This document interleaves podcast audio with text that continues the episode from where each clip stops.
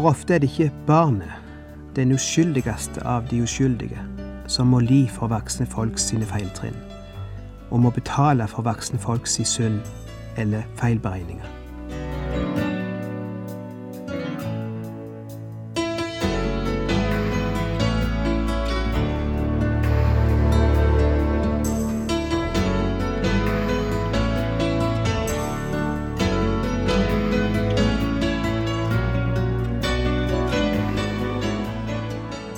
Hjertelig velkommen til et nytt program i serien Vindu mot livet.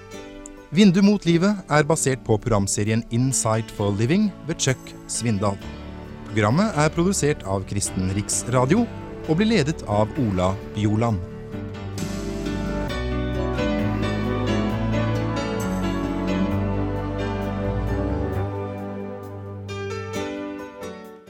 Velkommen til Vindu mot livet, basert på programserien Insight for Living med Chuck Swindal. Programmet er produsert av Euromedier, og taler er Ola Bjorland.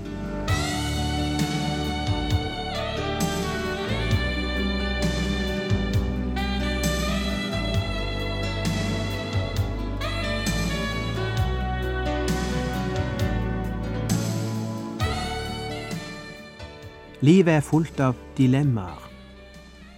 Et dilemma er den frustrasjonen vi opplever når vi f.eks. står overfor to eller flere muligheter og kan ikke velge mer enn én. Vi ønsker jo å velge begge, men den ene muligheten uteluk utelukker ofte den andre. Vi må gjøre et valg.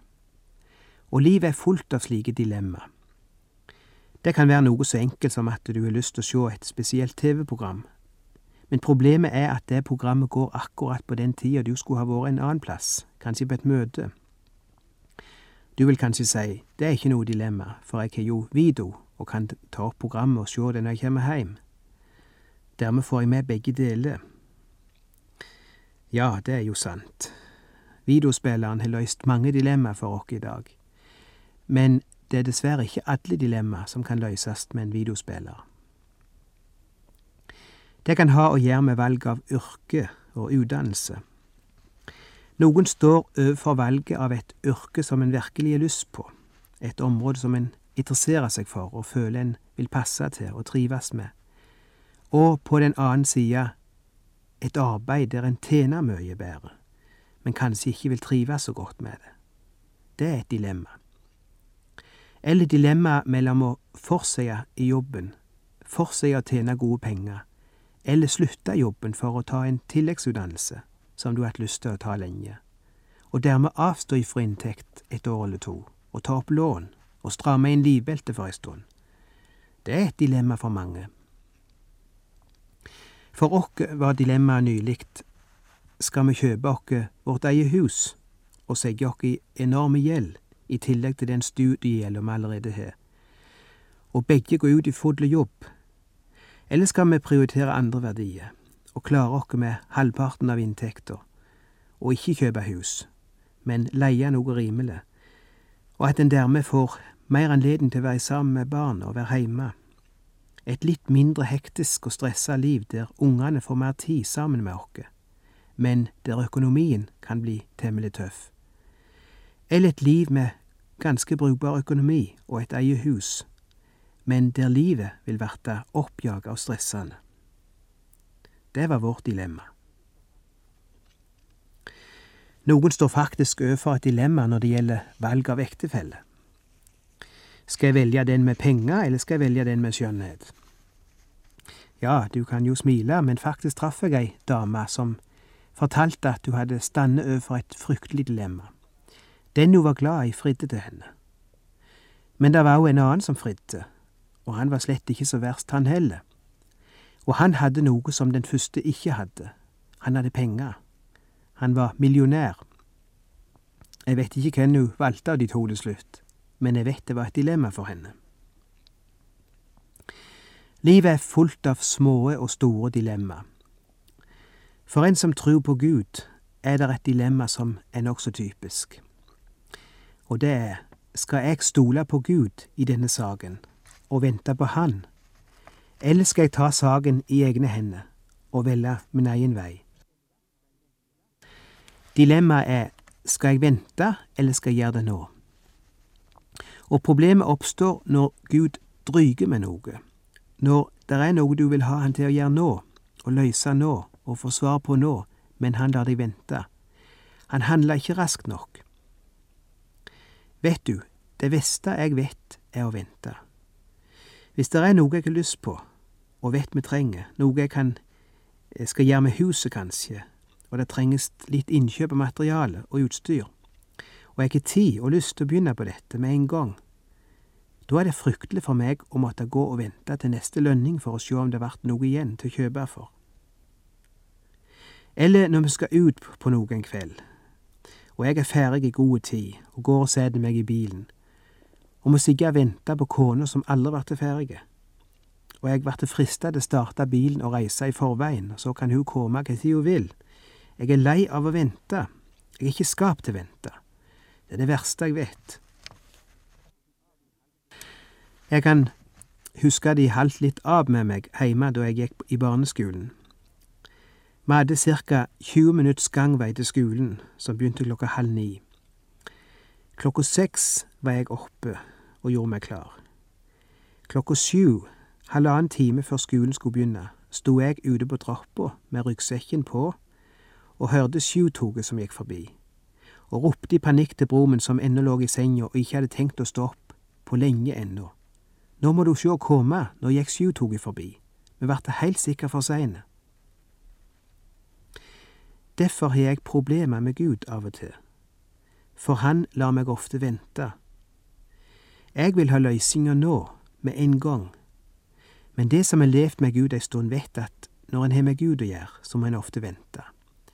Og da hender det en fristes til å springe i forveien, til å ta saken i sine egne hender. Det er et dilemma. Skal jeg vente på Gud, eller skal jeg sette i gang nå, på egen hånd?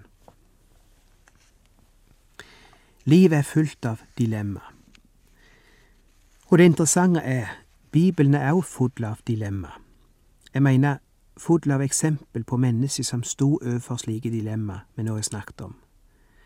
Og ofte handla de i panikk, vart utålmodige og sprang i forveien for Gud. Og konsekvensene vart tragiske. Det klassiske eksempelet har vi i første Mosebok 16. Abraham står overfor et dilemma.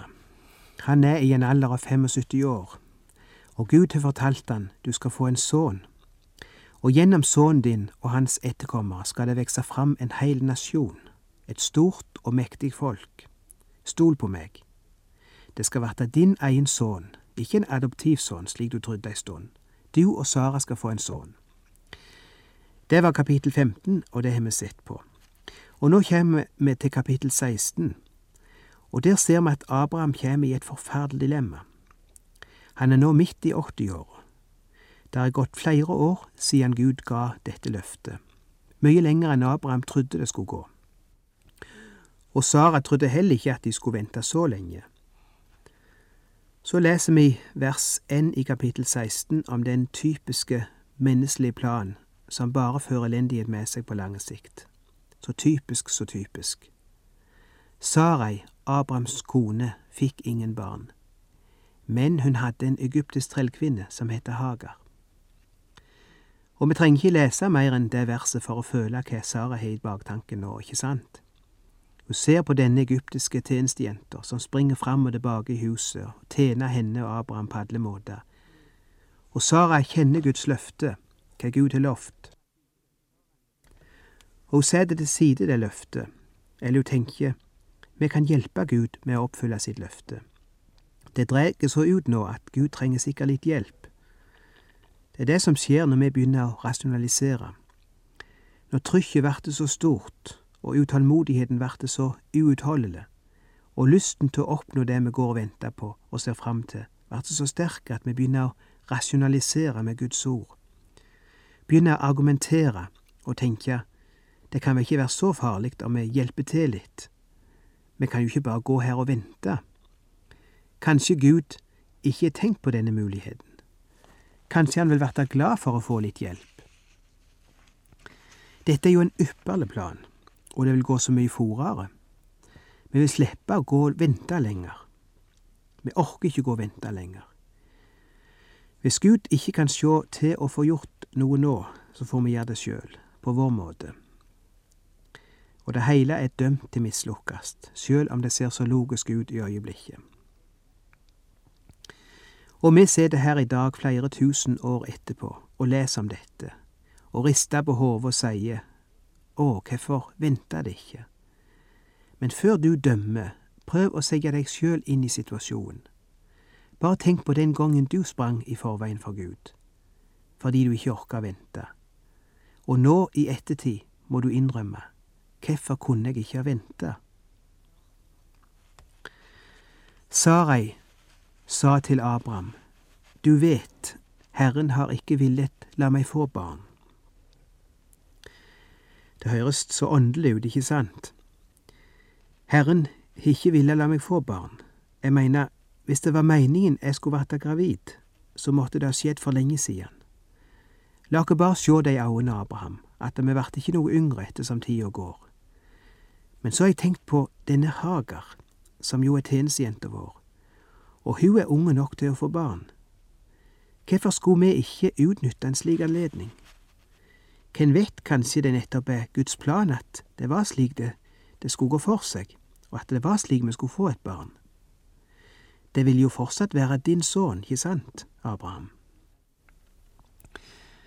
Du har kanskje tenkt at såkalte surrogatmødre er noe vi har oppfunnet i vår tid. Å nei, det går helt tilbake til patriarkene sine dager. Og du tenkte kanskje at dette med enslige mødre var noe nytt for vår tid. Visste du at Hagar var akkurat det, ei enslig mor? Fordi Abraham lytta til kona sitt råd Gå nå inn til trellkvinnen min. Kanskje får jeg en sønn ved henne. Og Abraham gjorde som Sarai sa, står der. Abraham hører på henne, og det gjør ofte menn. Jeg tror jeg kan si det til dere som er hustruer, selv om det selvfølgelig er unntak. Du har ingen anelse om hva slags innflytelse du har over din mann. De fleste mennene jeg kjenner, hører mer på konene sine enn de hører på noen andre. Ofte innrømmer de det ikke, og ofte vet ikke konene om det. Men det er noe med det at vi mennene trenger å gi inntrykk av at vi sjøl kom på det, ikke sant? Og derfor er det noen koner som er taktiske nok til å presentere ideene på en slik måte at mannen fortsatt får beholde sin verdighet og sin følelse av at det var han sjøl som kom på det.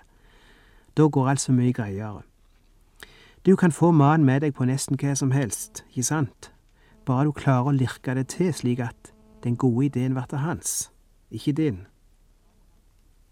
Vel, nok om det.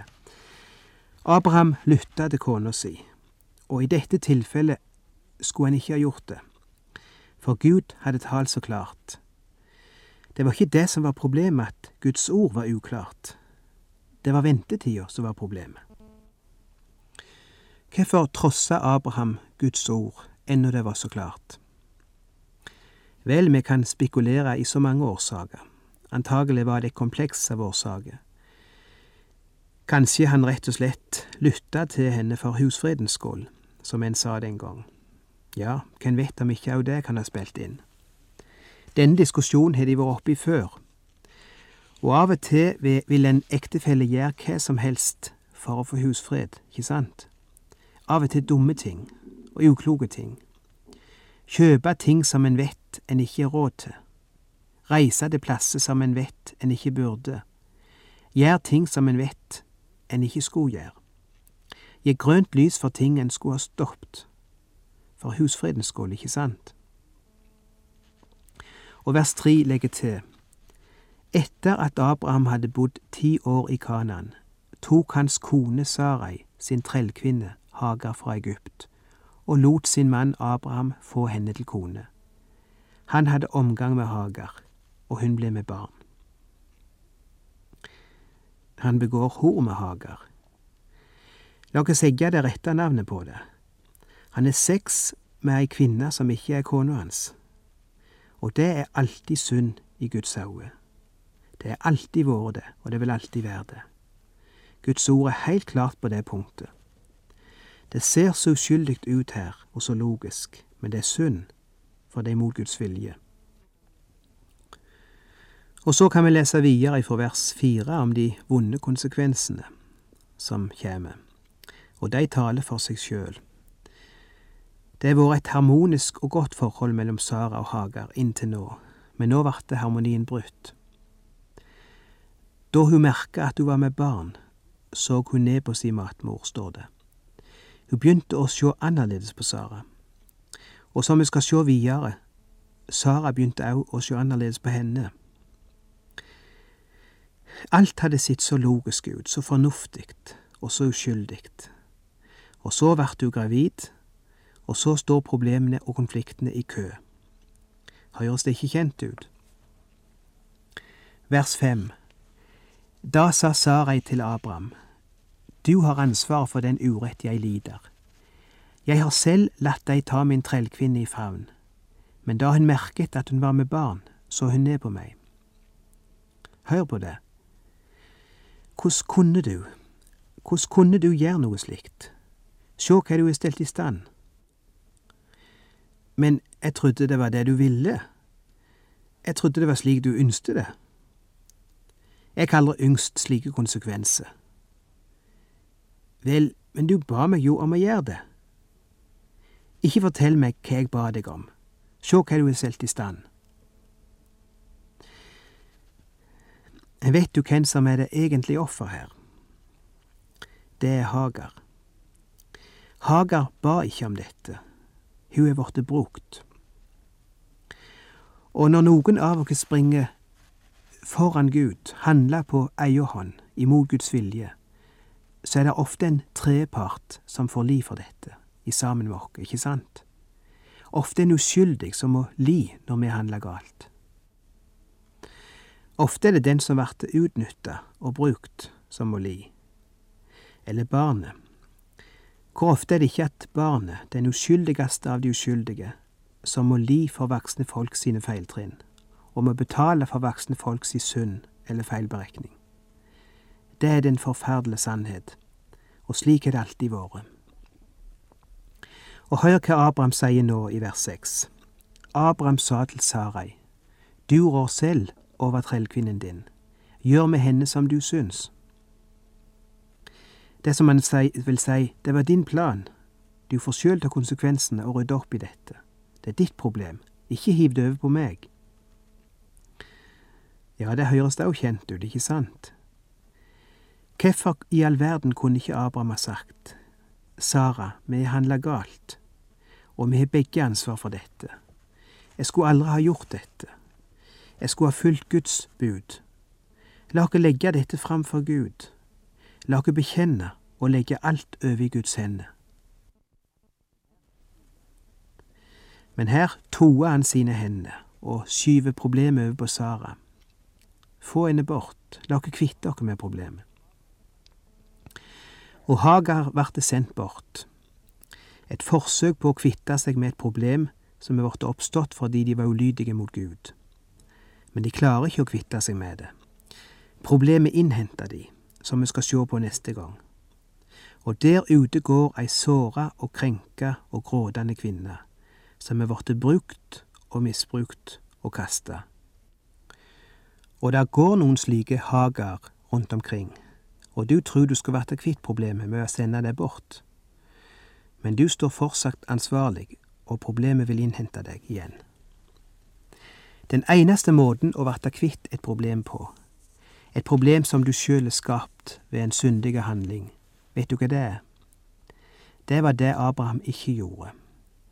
Det er å gå til Gud med det, i en full bekjennelse, legge det på Han og si, jeg har kjørt meg sjøl opp i et hjørne, Gud, og jeg vet ikke hvordan jeg skal komme ut av det, men jeg er klar til å ta konsekvensene.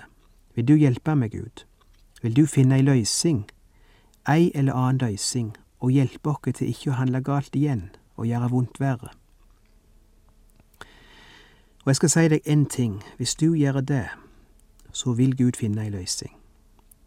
Jeg sier ikke at den løysinga vil være lett, men den vil være rett, og den vil være god. Du må ikke tro at det er lettvint åndelig prat når jeg sier at hvis du er villig å legge din fastlåste situasjon i Guds hender, og ikke ty til panikkløsninger som du vet er galt, men slippe Gud inn i problemet og være villig til å gjøre det du etter rett, da skal han finne ei løsning. Du skal få oppleve at så mange ting kan snu seg og se annerledes ut etter ei tid, og at det kan komme noe godt ut av det. Dette har jeg sett om igjen og om igjen. Jeg vet det er vanskelig å se når du er midt oppi det, men jeg vet at Guds vei er alltid den beste, og du skal få se det hvis du vil gå den veien. Og om du har gått utenom Guds vei, er det ennå ikke for seint til å komme inn på han igjen. Det er aldri for seint. Hører du det? Det er ikke for seint for deg, og Gud har en vidunderlig plan for deg. Og det fantastiske er, Gud kan til og med ta dine feiltrinn og flette de inn i hans plan, så til og med det vonde kan verte noe godt.